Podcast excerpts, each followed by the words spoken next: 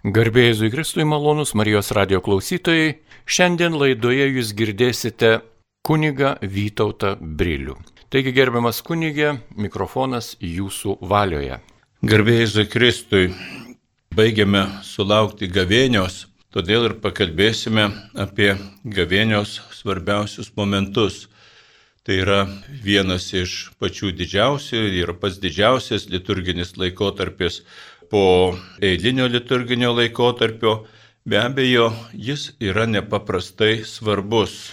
Svarbus bažnyčioje pagal tradiciją, pagal savo tokį ženklumą, matomumą, kadangi gavinė yra neįlinis ištisas laikas, svarbus taip pat be abejo ir dvasinė prasme. Bažnyčia, tiesą sakant, mus visą laiką veda, visą laiką veda į Jėzų Kristų, gal tiksliau pasakyti, paskui Jėzų Kristų, paskui visus šventuosius arba kartu su visais šventaisiais, kartu su bažnyčios istorija, veda mus į viešpatį Dievą. Veda mus į viešpatį Dievą, tuo pačiu veda į darną su, su viešpačiu, su savimi pačiais, su mūsų pasauliu. Neveltui, kada žmonės jau labiau išsilavina, išsilavina ne tik e, tokia bendraja prasme įvairiausiuose gamtiniuose moksluose, žmonės bręsta ir lavinasi taip pat ir dvasioje. Ir dėl to atsiskleidžia vis naujų dalykų mūsų bažnyčios mokyme. Apaštalas Paulius rašė viename iš savo laiškų, kad sako, aš jums duodu tokias tikėjimo tiesas, lengvas, nesunkes, tarsi kaip duoda kūdikiui pieną. Paskui kūdikis auga ir pajėgia jau valgyti tvirtesnį maistą. Taip ir jūs dabar pasimaitinkite pienu, būtinai užaukite tuo pienu ir tada gausite tvirto gero maisto. Taigi prieaugo ir bažnyčia ir nenustoja aukti ir toliau per šimtmečius auks ir, ir per visus amžius Ir todėl bažnyčioje vis atsiras naujų atradimų, naujų požiūrių, naujų būdų, kaip ateiti prie viešpaties Dievą. Dievo. Ne vien tik tai atsižvelgiant, kad pagal naujus laikus gali būti kitokios sąlygos, tai ir kitokie būdai eiti, bet taip pat ir tiesiog pagal žmonių brandą bus atskleidžiami naujieji slėpiniai kurie jau šiandien slypi, bet dar žmonėms nėra aiškus. Panašiai kaip e, popiežius Pranciškus išleido encikliką, rodos visai neliečiančią bažnyčios apie ekologiją, tačiau parodė, kad ekologija tai yra taika, tai yra dvasingumas, tai yra žmogaus prieimimas nuostabios Dievo dovanos viso pasaulio. Jau šiandien nešnekama, kad žmogaus atmesk pasaulį, jau susikaupk vien tik tai prie kažkokių tai maldų, bet kalbama, kad žmogau pasimeldęs, susikaupęs, išmokęs, subrendęs, būk atsakingas už viską pasaulį. Taigi gavėnė yra eilinis, periodiškai nuolat pasikartojantis laikas susikaupimo, pasninko, maldos, gerų darbų, atsivertimo, ėjimo į viešpatį Dievą laikas. Taip pat gavėnios laikas, kaip susikaupimo atsivertimo laikas, yra nuo senovės pasirengimo krikštui laikas. Kadangi nuo senovės laikų būdavo krikštyjami žmonės iškilmingiausių būdų ir regimiausiai, tai būtent Velykų, Velykų išvakarėse, tuose Velykų iškilmingose mišiuose, kurios prasideda didįjį šeštadienį vakare arba naktį ir baigėsi Kristaus prisikėlimo paminėjimu. Būdavo krikštas atgimimas Kristuje, mirtis pasauliui. Kadangi tai yra mirtis pasauliui, atgimimas, negalima atgimti kažkam nenumirus, gavėnė taip pat susijusi su išsižadėjimu ir pasninku. Tuo išsižadėjimu ir tuo pasninku, kuris kuris veda į viešpatį Dievą. Jau nuo senų senovės istoriškai, jeigu mes paimsim pavyzdžiui Nojaus išgelbėjimą, Nojaus išgelbėjimas su jo šeima taip pat yra išganimo, žmonių išganimo simbolis. Pasaulis pražuvo, tai buvo mirtis, o per vandenį, vėlgi krikšto, krikšto simbolis, Nojus išplaukė ir pasiekė žemę, nusileido, nuslūgo vandenys ir jis išlipo žemėje ir pradėjo naują gyvenimą, naujas žmonių kartas. Nojus pagal biblinį aprašymą toje arkoje plaukėjo 40 dienų, tiek, kiek trunka mūsų gavėnė. E, jeigu paimsime žydų išvedimą iš Egipto, žydai po dykumą klaidžiojo 40 metų. Būtų atėję į tą pažadėtąją žemę jie daug greičiau, tačiau jie nebuvo pasiruošę, nebuvo subrendę, jie neturėjo tikėjimo, neturėjo Dievo meilės ir todėl paprasčiausiai pabūgo į tą žemę įžengti. Ir tada Dievas juos gražino ir pasakė, vaikščiosite tol dykumoje, kol neišmirs šitą bailių kartą, kol neatsiras, nesubręs, nesubręs nauja karta, kuri turi tikėjimą ir kuri Dievo artume mato džiaugsmą. Na, jeigu kalbant apie tą bailių kartą, kuri turėjo tuo metu išmirti, kad išsiaugdytų nauja karta, tai nebūtinai dvasiniam gyvenime tie, kurie nesubrendę, turi išmirti. Jie gali tiesiog e, subręsti ir tada jie bus verti Dievo malonių, kurios ateina. O tas subrendimas vėlgi visada reiškia mirti senajam gyvenimui, atsižadėjimą seno gyvenimą ir prisikelimą naujam gyvenimui, vėlgi gavėnę vedantį į Velykas. Turime Jėzaus pasninką prieš skelbiant Dievo žodį Evangeliją Jėzus 40 dienų pasnikavo dykumoje ir buvo šėtono gundomas. Taigi ir tie 40 dienų nojoj savo laive su visais, su visais tais gyvūnais ir 40 metų dykumoje ir Jėzos 40 dienų pasninkas tikrai buvo sunkus dalykai, bet jie visi atvedė į Dievą į Dievo pažinimą, į Dievo malonę, į gyvenimą su viešpačiu Dievu, į naują gyvenimą.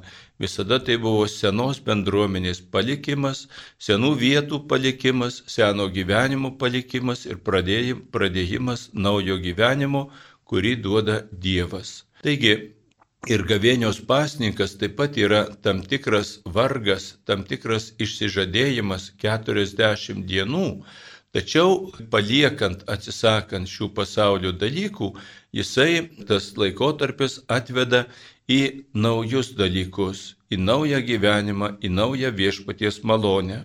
Labai reikalinga, kad tai netaptų tik mūsų rutina kažkokia, kad mes vienu liturginiu laikotarpiu arba ten per kažkokias šventes valgom vienus dalykus, kitais e, laikotarpiais kitus dalykus, vieną kažką pasatom dešiniai, kažką perkeliam į kairę pusę ir iš to Dievo malonė ateitų. Malonė ateina keičiantis mums patiems, todėl būtent gavėnė turi būti atsivertimas ir pasikeitimas. Ir be abejo, šiame kontekste labai reikšminga ir prasminga yra gavėnios kaip pasirengimo krikštui metas kadangi senasis žmogus turi numirti, o naujasis žmogus turi užaukti, gimti iš naujo ir vystytis. Na, jeigu kalbėt apie krikštą, daugelis mūsų vaikų yra krikštijami kūdikystėje, nebūtinai gavėnios metu, kitaip kalbant, retai gavėnios metu, kad kadangi labiau atkreipiamas dėmesys į tą džiaugsmą, kad vaikas yra pakrikštytas, bažnytiškai tai būtų suvokiama kaip bažnyčiai naujo žmogaus gimimas, nors to naujo krikščioniško gyvenimo tas vaikas tikrai ne visada yra išmokomas. Ir to seno gyvenimo niekas jo neragina atsisakyti. O kai neatsisako seno, vienu metu negali eiti dviemis kryptimis. Vienu metu negali pasirinkti kelių dalykų, gali pasirinkti patį geriausią. Atsimenu kažkada Dar paauglystėje vienas kunigas taip įdomiai pasakė mums vaikams, sako vaikai, neskaitykite gerų knygų, kadangi knygų kiekvieną dieną išleidžiama tūkstančiai ir tame tarpe labai daug gerų knygų, tikrai niekada neperskaitysi. Skaitykit tik pačias geriausias. Taigi gerų knygų, kartais tikrai gerų knygų, turėtų būti atsisakoma, kad būtų perskaityta pati geriausia. Taip ir gyvenime e, tenka atsisakyti ir tinka atsisakyti labai gerų dalykų, kad būtų pasirinkti iš tiesų patys geriausieji, o ne vien tik tai šiaip savo geri. Taigi tam skirta yra gavėnė. Gavėnė prasideda, prasideda pelenų trečiadienį, tai pirmoji gavėnios diena ir trunka iki didžiojo ketvirtadienio vakarinių pamaldų. Tada jau prasideda didysis Velykų tridienis, kur nepaprastai dramatiškas, nepaprastai turiningas, nepaprastai daug sakantis, tai yra viso mūsų tikėjimo ir mūsų viso dvasinio kelio koncentracija, tas didysis Velykų tridinis. Bet kalbame apie gavėnę nuo Pelenų dienos iki didžiojo ketvirtadienio vakaro yra daugiau negu, negu 40 e, dienų, kadangi į gavėnę taip jau teoriškai paėmus, neįeina, neįeina sekmadieniai. Sekmadienis visada yra Velykų šventimas, kiekvienas metų sekmadienis, todėl e, gavėnios metu sekmadieniai, nors prisilaikoma ir tos rimties, nors e, e, liturgijoje visi ženklai yra gavėnios, bet pats sekmadienis taip tiesioginė griežta prasme į gavėnę kaip ir neįeina. Taigi, gavėnė tai yra susikaupimas, pasiruošimas Kristaus prisikėlimo šventei Velykoms. O pasiruošimas tikras Velykoms, kadangi mūsų visi pasirengimai ir visas dalyvavimas mūsų tikėjime, tai yra mūsų dalyvavimas, tai yra pasirengimas dalyvauti Kristaus kančioje, mirtyje, jo misijoje, jo prisikėlime ir jo išaukštinime. Taigi ir taip jeigu paėmus elementariai, elementariai paėmus, tai gavėnios yra pagrindiniai tokie elementai - malda, pasninkas ir išmalda. Apie tuos tris elementus pirmiausia kalbama gavėnios pradžioje didžiai, didįjį trečiadienį, e, pelenų trečiadienį. Jėzus moko, kai melsitės, melskit, ne, nesimelskit kaip veidmainiai, kai dalysit išmaldą, nedarykite to kaip veidmainiai ir kai pasninkaujate, nedarykite to veidmainiškai. To veidmainiškumo mūsų gyvenime labai būna daug. Vėlgi tas veidmainiškumas, jis nebūtinai atsiranda iš piktos valios, kartais ir geros valios. Žmogus laikosi tų tradicijų, laikosi tų visų praktikų, kurios nurodytos. Kartais net labai, labai, labai daug savęs įdeda, daug pasiaukoja, daug išsižada, labai nuoširdžiai viską atlieka, tačiau pamiršta pagalvoti, ką jis daro ir kodėl visą tai ir ką tai turėtų duoti ir kokio rezultato turėtų laukti. Pašventinau, reiškia, pavyzdžiui, žvakę. Ir viskas gerai, kaip ir viskas atlikta. O kokiu tikslu ta žvakė pašventyta? Ką jinai turi duoti? Ką ji turi pakeisti mano gyvenime? Ir šitas dalykas gali pasilikti vis, visiškai nenaudingas, neduoti vaisių praktikoje. Praktikoje duoti vaisius, tai reiškia duoti vaisius gyvenime, kad paliestų mūsų gyvenimą, kad kažką pasikeistų. Taigi malda kaip gavėnios vienas iš esminių elementų. Gavėnė yra paženklyta tyla ir, ir susilaikymu nuo visokio triukšmo tam, kad žmogus galėtų susikaupti, kad jo maldos neblaškytų pašaliniai dalykai. Malda tai yra pokalbis su Dievu. Taip yra parašyta vaikiškam katekizme, žinoma, tai yra pilna ir šventa teisybė, bet jau suaugusiam žmogui reikėtų tą savoką šiek tiek išplėsti. Tai yra ne tik pokalbis su Dievu, tai yra bendravimas su Dievu. Kalbėtis galima įvairiai. Kada žmogus meldžiasi, pavyzdžiui, būna ir taip, kad jis tiesiog e, turi nusistatęs kiek jis įvairių maldų atkalbės. Mintinai žinomas atkalbės, pavyzdžiui, rožinį sukalbės, vieną e, slėpinį rožinio, gal visą, e, visą dalį rožinio, gal visas keturias dabartinės e, dalis rožinio, o gal daugybę, daugybę, daugybę kartų kartos E, sveika Marija, sveika Marija, garbė Dievui ir ten kitas gražias maldas, tie žodžiai yra šventi, jie pasilieka šventi. Tačiau ar būtinai kiekvieną kartą šitie žodžiai yra pokalbis, kita prasme bendravimas su Dievu? Ar kartais jie nebūna ištarti vien tik taip paviršutiniškai, kad būtų ištarti?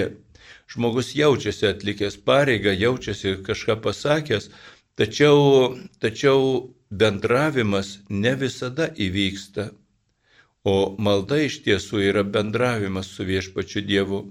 Kada aš vien tik tai kalbu savo maldas ir paskui pasibaigė ten, kiek aš buvau užsibrėžęs, atkalbėjau tam tikrą skaičių maldų ir vienokias, ir kitokias, ir į Dievą, ir į Mariją, ir į šventuosius, ir tada pasakiau, uf, jau pasimedžiau, dabar galiu drošti savo reikalais. Vėl perjungiu mintis į kasdienybę, vėl perjungia į mintis į tą ir, ir kasdienį vargą, ir į tą kasdienę kovą, kurios irgi būna, ir užsijimu savo reikalais ir pamirštu, kad aš esu Dievo žmogus, kad mano gyvenimas, mano pokalbis, mano darbas, mano užsiemimas yra ėjimas į Dievą. Pamiršta žmogus, paskui ateina laikas melstis, vėl jisai kartoja įvairiausius šventus žodžius ir vėl e, nebūtinai kiekvieną kartą bendrauja. Todėl, kad būtų pokalbis, tai reikia ne tik tai kalbėti, reikia ir klausyti. Klausyti ir suvokti, ne vien tik tai girdėti įvairiausius žodžius, bet ir suvokti, kodėl, kaip, kokie dalykai yra daromi, prie ko jie atves, kam jie tinka šitie dalykai, ir ko iš manęs nori viešpats Dievas. Nes būtent kalbantis, kada kalbėsi su kažkuo, tu stengiasi pajausti e, jo norą, jo valią, jo mintį, ko jis siekia. Ir tada jau kaip pajauti ir žinai, kad jisai siekia to arba kito, tada ieškai savyje. Jeigu yra pritarimas mano viduje šitiems dalykams, jeigu aš pasiruošęs bendradarbiauti bet kokiu būdu, savo darbu, savo žodžiu, netgi savo širdies pritarimu, reiškia gimsta bendrystė.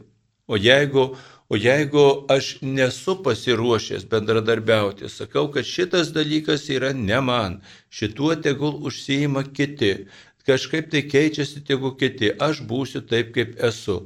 Gali būti šitaip, tada bendrystės nebus. Bus maldų kalbėjimas, bet nebus tikroji malda, kadangi ne, ne, neieškoma bendrystės. O jeigu tiesiog pamiršti pasiklausti, ko iš tikrųjų nori Dievas. Mes Dievui atnešam savo maldoje, labai dažnai atnešam krūvą visokiausių prašymų. Dieve padaryk tą dalyką, padaryk tą dalyką. Labai gerai, kad mes prašom viešpaties. Dievas tikrai klauso mūsų prašymų ir Dievas daugybę mūsų prašymų išpildo. Tačiau, ar mes visada e, pasiklausėm savo širdyje, ar Dievas pritarė šitiems mūsų prašymams, ar Dievui patinka tie dalykai, kurių mes prašom. Atsimenam iš viešpaties pamokymo, kada jis kalba, sako, ar būtų toks tėvas, kuris prašo duonos, o jis vaikui atkištų akmenį. Nu, neturi būti tokių tėvų, neturi tokių tėvų, kur vietoj žuvies gyvatę paduotų. Tėvai turi duoti vaikam, ko jie prašo. Bet jeigu vaikas prašo narkotikų, jeigu vaikas prašo alkoholio, jeigu vaikas prašo kažkokių kitų blogų dalykų, ar turi jam duoti ar neturi. O vaikas, nepagalvodamas, jisai tiesiog žino tą vėlgi savo maldelę, tėveliai mane myli, todėl turi duoti viską, ko aš prašau. O kas man gerai, tai aš pats sugalvosiu, tegul jie nesikiša yra pavojus, kad ir mūsų malda gali pasidaryti tokia. Todėl mūsų malda visada turi būti gilesnis Dievo supratimas. Mes turime nuolat ir nuolat klausti, ar aš patinku viešpačiai toks, koks aš esu. Ar Dievas norėtų, kad aš pasikeiščiau? Ar Dievas džiaugiasi mano siekimais, mano mintimis? Ar Dievas džiaugiasi, kokius draugus aš pasirenku? Ar Dievas džiaugiasi, kaip aš elgiuosi su visokiais visokiose gyvenimo situacijose. Malda turėtų būti, kad ne tik Dievas gerai žinotų, ko mes norim ir ko mums trūksta, bet kad mes patys žinotume, ko Dievas iš mūsų nori, ko, ko iš mūsų tikisi ir kas Dievą džiugina mūsų gyvenime. Mes juk Dievą mylime, tikrai mylime, nors ne visada suspėjom apie visus dalykus pagalvoti, bet tačiau tikrai mylime Dievą Ir mums bus gera, jeigu Dievas džiaugsis mūsų gyvenimu, mūsų troškimais, tada įvyksta tikras susivienijimas su Dievu. Kitas gavėnios labai svarbus momentas tai yra pasninkas. Pasninkas tai yra atsisakymas kažkokiu gyvenimo gerybių, sąmoningas ir laisvas kažkuo atsisakymas. Jeigu, žmogui, jeigu žmogus badauja ir miršta iš bado, tai nereiškia, kad jis pasnikauja. Pasnikauja tada, kai jis būdamas ar sotus, ar alkanas atsisako maisto, kada jis turėdamas laisvą valią ir visokias galimybės pasiimti kažkokią, pasinaudoti kažkokią gerybę, jis gali laisvai kažkam atiduoti ir pats nepasinaudoti. Pasnikas yra tada, kai žmogus turėdamas galimybę laisvai disponuoti savo laiku, savo malonumui savo laiką, savo dėmesį, savo energiją atiduoda kažkam kitiems, atsisakydamas kažko gyvenime, bet ko ir dovanodamas kitiems. Panašu šiek tiek į išmaldą, bet ne, nebūtinai tai yra pasninkas, nebūtinai atidavimas. Pasninkas tai yra sugebėjimas pačiam išsižadėti. Ir šitas pasninkas mums atveria, atveria galimybės, atveria vartus mūsų kitiems šventiems darbams, šventiems dalykams. Gebėjimas kažko atsisakyti, pirmiausiai mus e, išvaduoja nuo šio gyvenimo įvairiausių nebūtinų dalykų, kurie mums trukdo užsiimti viešpačiu Dievu. Jeigu tu turi daugybę daiktų, savo namuose, daugybė žmonių įvairiausių daiktų turi savo namuose ir statulėlių, ir vazelių, ir paveikslėlių, ir, ir kokiu tik nori daiktų. Tiem daiktam reikia tarnauti. Jau vien dulkės nuo jų nuvalyti, jau vien sukilnoti ir pavalyti tas vietas, kur jie stovi, kur jie kabo ir panašiai, reikalinga daugybės laiko. Jeigu tų daiktų būtų mažiau, laiko būtų daugiau liktų žmogui. Nu aišku, e, ne visada savaime yra gerybė tas laiko turėdamas, dabar e, yra karantinas, žmonės turi daug laiko namuose ir daugybė žmonių kenčia e, dėl to, kad ne, nesugalvoja, kur tą savo laiką panaudoti.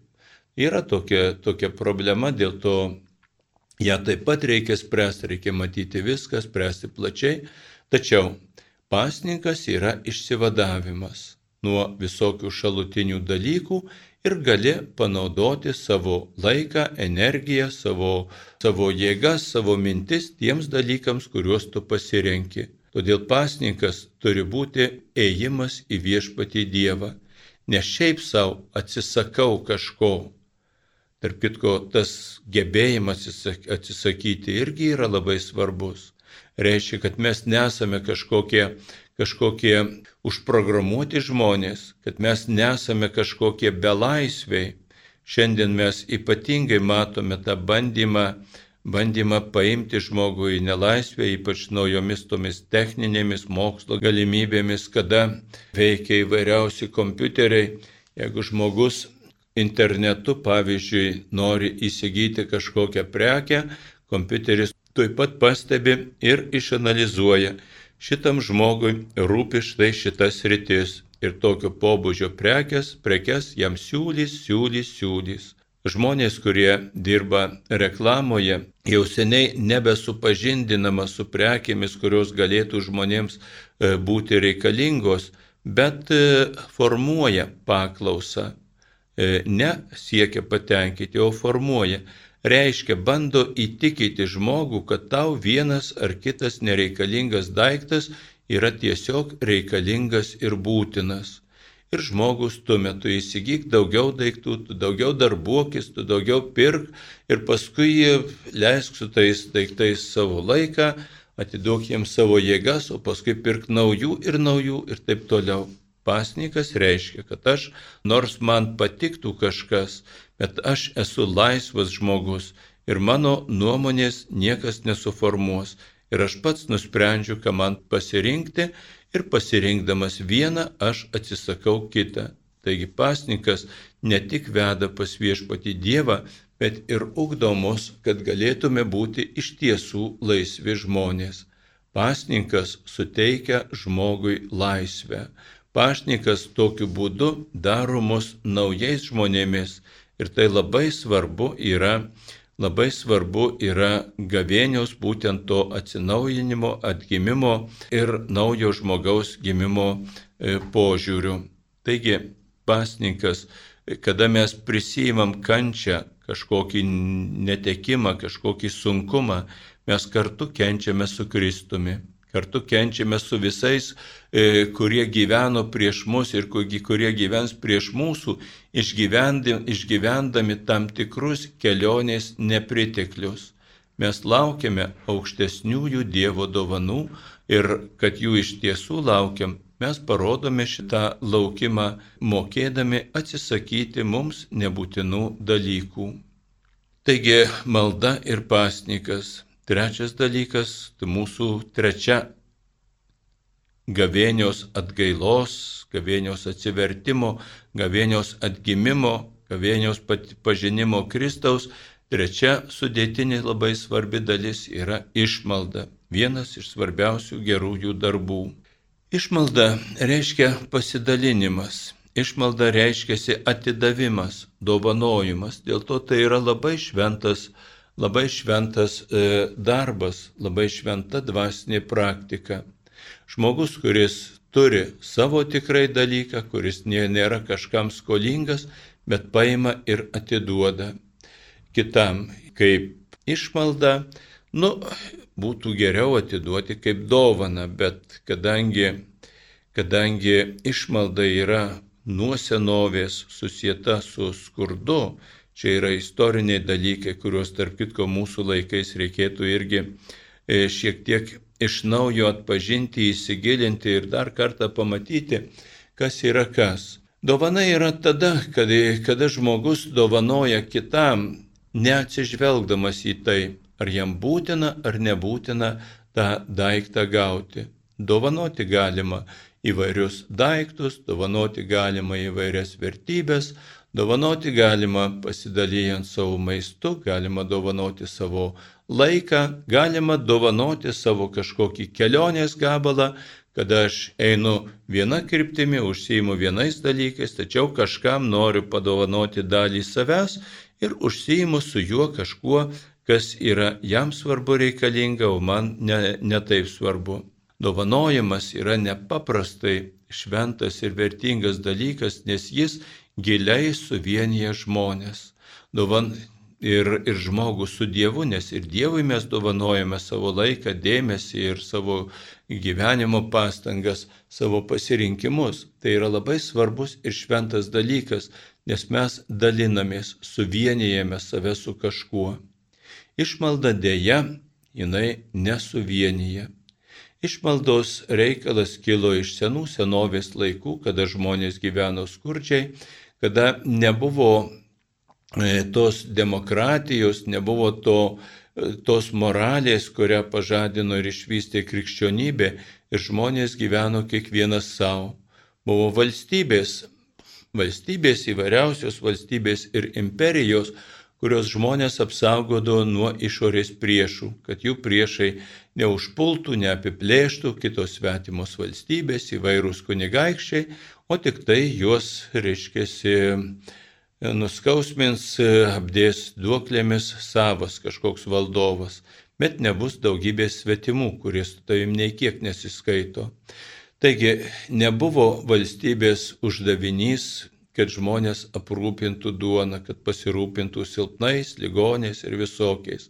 Būdavo kažkokių bendryjų, būdavo kai kurių religinių bendryjų šiek tiek, ypatingai tuo pasižymėdavo žydų bendryje, kuri šioji tauta nuo senų senovės buvo Dievo vedama ir auklėjama kaip viena, vieno tėvo šeima ir todėl turėjo broliškai rūpintis vieni kitais. Ir šiandien yra e, tikrai daugybė žydų, kurie, aš manau, būtent garbindami Dievą, prisima daugybės žmonių vargą ir duoda didžiulės dovanas, pakelia, neleidžia nuskursti. Skaičiau apie vieną žymų džiazo atlikėją, dainininką Louis Armstrongas. Be abejo, daugeliu yra girdėtas. Tas vaikelis gyveno kažkur šiukšlynė, e, kažkur šiukšlynuose ir tikrai nematė jokios ateities. Bet ji paėmė e, žydų šeima, tarp kitko iš Lietuvos atvykus į Ameriką, žydų šeima, jį priglaudė savo namuose, davė išsilavinimą, pamatė jo muzikinius gabumus, davė galimybę jam pasiekti muzikoje išsilavinimu, davė jam laisvę, kad jis galėtų eiti savo gyvenimo keliu. Ir tokiu būdu išaugo, išaugo tikrai garsus žmogus, svarbus daugybė, daugybė pasaulio žmonių, menininkas, muzikantas. Taigi šita tauta buvo auklėjama kaip tauta, nors nesu specialistas, nežinau, kaip vargšais rūpinosi žydų valstybė senovės Kristaus laikais ir prieš Kristų. Ne, negalėčiau pasakyti, bet ryškesnių kažkokiu tai institucijų, kurios rūpintųsi vargšais, nebūdavo. Vienintelė institucija, kuri pasirūpindavo vargšais, būdavo šeima. Ir jeigu žmogus patenka į skurdą, o šeimos neturi, ar ten senais laikais našlė su savo našlaičiais našlaičiai, arba ten neturi dėl kitokių priežasčių šeimos, kol gali dirbti ir užsidirbti, tai gali išsilaikyti. Susergi arba pasensti, niekas tavim nesirūpina. Ir belieka tokiam žmogui eiti į gatvę, į aikštę, prie maldos namų ir prašyti išmaldos. Žmonės prašo išmaldos ir neretai iš tokio vargo jie įkliūva taip pat ir į dvasinės bėdas, įkliūva ir į visokias girtuoklystės, ir į visokius nesažiningumus, ir į visokias vagystės ir taip toliau, kurie patys tuo keliu nepasuktų, tai patekę į tų, e, reiškia, skurdžių bendrų e, žmonių bendryje, jie būna tarsi įtraukiami per pavyzdį, per, per tam tikrą spaudimą, kad būk taip kaip mes visi. Ir tas žmogus, kuris priima iš kito žmogaus duodančio išmaldą, priima tą išmaldą, e, jis su juo neturi jokios bendrystės ir nenori jokios bendrystės. Va čia yra skirtumas tarp išmaldos ir dovanos, kad dovana suvienyje, o išmalda nesuvienyje. Aš atidaviau ir neklausiu nei vardo, nei pavardės ir nuėjau savo, tu žinokis. Kitas paėmė ir tu, kuris davei, eik savo ir žinokis. Nors būdavo senesniais laikais, kada tie elgetos prašydami išmaldos melsdavosi už savo geradarius, dabar tų laikų jau seniai nėra. Dabar pasikeitė kai kurie dalykai ir mums, kaip atsakingiams tikintiesiems, reikėtų stengtis nedaryti klaidų kad duodam išmaldą, tai labai gerai, bet neturi jinai duodama būti bet kaip. Reikia pasižiūrėti, ar ji iš tikrųjų yra geras darbas ar blogas. Ar vietoje, ar vietoje duonos tam vargšui nėra duodamas kažkoks blogas dalykas. Šiandien, ačiū Dievui, turime ir valstybės pagalbą, ir pensijas, ir nemokamą gydimą, bent jau dalinai, turime visokias prieglaudos namus, turime vietas, kur ir, tikinčiųjų bendruomenės, ir katalikai, ir, ir, ir kitų konfesijų krikščionys, ir krišnaistai, ir kitokie geri žmonės suteikia pagalbą vargšams, pasiūlo nakvynę, tie vargšai gali ateiti ir nusiprausti, ir, ir, ir išsiskalbti, ir gauna naujus drabužius, ir taip toliau, ir taip toliau ir pavalgyti gauna, yra visa eilė valgyklų, daugeliu atveju yra plati organizacija Karitas mūsų bažnyčioje, kuri padeda jiems ir jie gauna pagrindinių visokių dalykų. Tačiau lieka jų bėda, daugelio iš jų lieka moralinė bėda, kadangi jokia nei krikšnaitai, nei krikščionys tam varšui žmogui neduoda nei narkotikų parūkyti, nei susileisti, neduoda nei degtinės išgerti, nei kažkokio spirito e, ten techninio ar ko nors. Ir šitiems dalykams jiems reikia, kad jie galėtų. O krikščionis mato tą pavargusį žmogų, negalvodamas, negalvodamas duoda jam savo pinigėlį ir galvoja, kad jis padarė gerą darbą. Iš tikrųjų, mato, kokiame varge tie žmonės yra patekę, bet ne visada susimasto, kad savo tokiu neatsakingu davimu jį pastumė į dar didesnį vargą, į dar didesnį liūną to viso svaigimo, atsiskyrimo, pykčio ir kitokių dalykų. Todėl e, tas e, nesąmoningas toks dalinimas pinigų gatvėje tikrai, tikrai e, neatneša gėrio, bet atneša iš tiesų blogį. Todėl ar galima šiandien dar duoti išmaldą? Žinoma, galima ir būtina. Mes pasidarysime nežmoniški, jeigu mes kitiems nepadėsime ir neduosime tų dalykų. Tačiau turime duoti atsakingai. Laisvai galima duoti kiekvien, kiekvienam vargstančiui žmogui, ar tai būtų ligonis, ar neįgalusis, ar tai būtų studentas, ar tai būtų dar kažkas, bet turime būti atsakingi, kad ta mūsų pagalba atneštų gėrį. Praktiškai, jeigu žmogaus nepažįsti ir nežinai, asmeniškai jam kažko tai duoti nereikia. Jeigu gali tada duoti, duoti karitui, kitai kažkokiai krikščioniškai organizacijai arba net ir nekrikščioniškai, kodėlgi ne, tačiau neduoti asmeniškai, jeigu tu nežinai, kad tie dalykai nebus panaudoti geriems dalykams, jeigu nesi tikras, kad tavo savaime šventas darbas neatneš blogio. To mums dar betrūko, kad šventais dalykais, šventais darbais, šventais veiksmais skleistume blogį, o ne gėrį. Taigi mūsų malda turi būti išmintinga, turi vesti, turi vesti į gėrį. Mūsų pasninkas taip pat turi mus mokyti valdyti gyvenimą ir savo visus jausmus, būti šeimininkais. Mūsų išmalda neturi nešti blogio, bet vien tik tai gėrį. O svarbiausia, kad ta išmalda būtų, kad mes būtume patys geraisiais žmonėmis. Ir šitie visi dalykai mus veda į atsivertimą, mus veda prie viešpaties Dievo, veda į atsigrėžimą. Atsivertimas tai yra atsigrėžimas, krypties pakeitimas, kai mes būnam nuklydę į visokias smulkmenas, į visokius paviršutiniškumus, į visokius dalykus. Tie pasninkas, malda, išmalda, kito pastebėjimas mus atveda į tikrą gyvenimą į tą gyvenimą, kur yra mūsų Dievas, gyvas Dievas, turintis ir savo nuomonę, turintis ir savo valią, atveda į tą gyvenimą, kur yra mūsų artimas ir mes matom ir, ir jo kančią, ir jo vargą ir galime padėti. Šitie dalykai atveda mus į mus pačius, atsivertimas atgręžia ir mes surandame save pačius tokius, kokiais mus sukūrė Dievas, su dieviška šviesa, su jo malonė, su jo išmintimi, atsakomybė ir meilė. Taigi toji gavėnė te padeda mums iš tikrųjų ne vien tik tai laikytis tradicijų kažkokių, bet kad pakeistų mūsų gyvenimą, kad mes mokėtume numirti kažkokiam senajam savo aš ir kad atgimtume su visa bažnyčia ir ypač su krikštyjamaisiais kurie rengiasi krikštui naujais žmonėmis. Te padeda Dievas malonės ir ramybės visiems. Šioje laidoje su jumis bendravo kunigas Vytautas Brilius. Likite su Marijos radiju.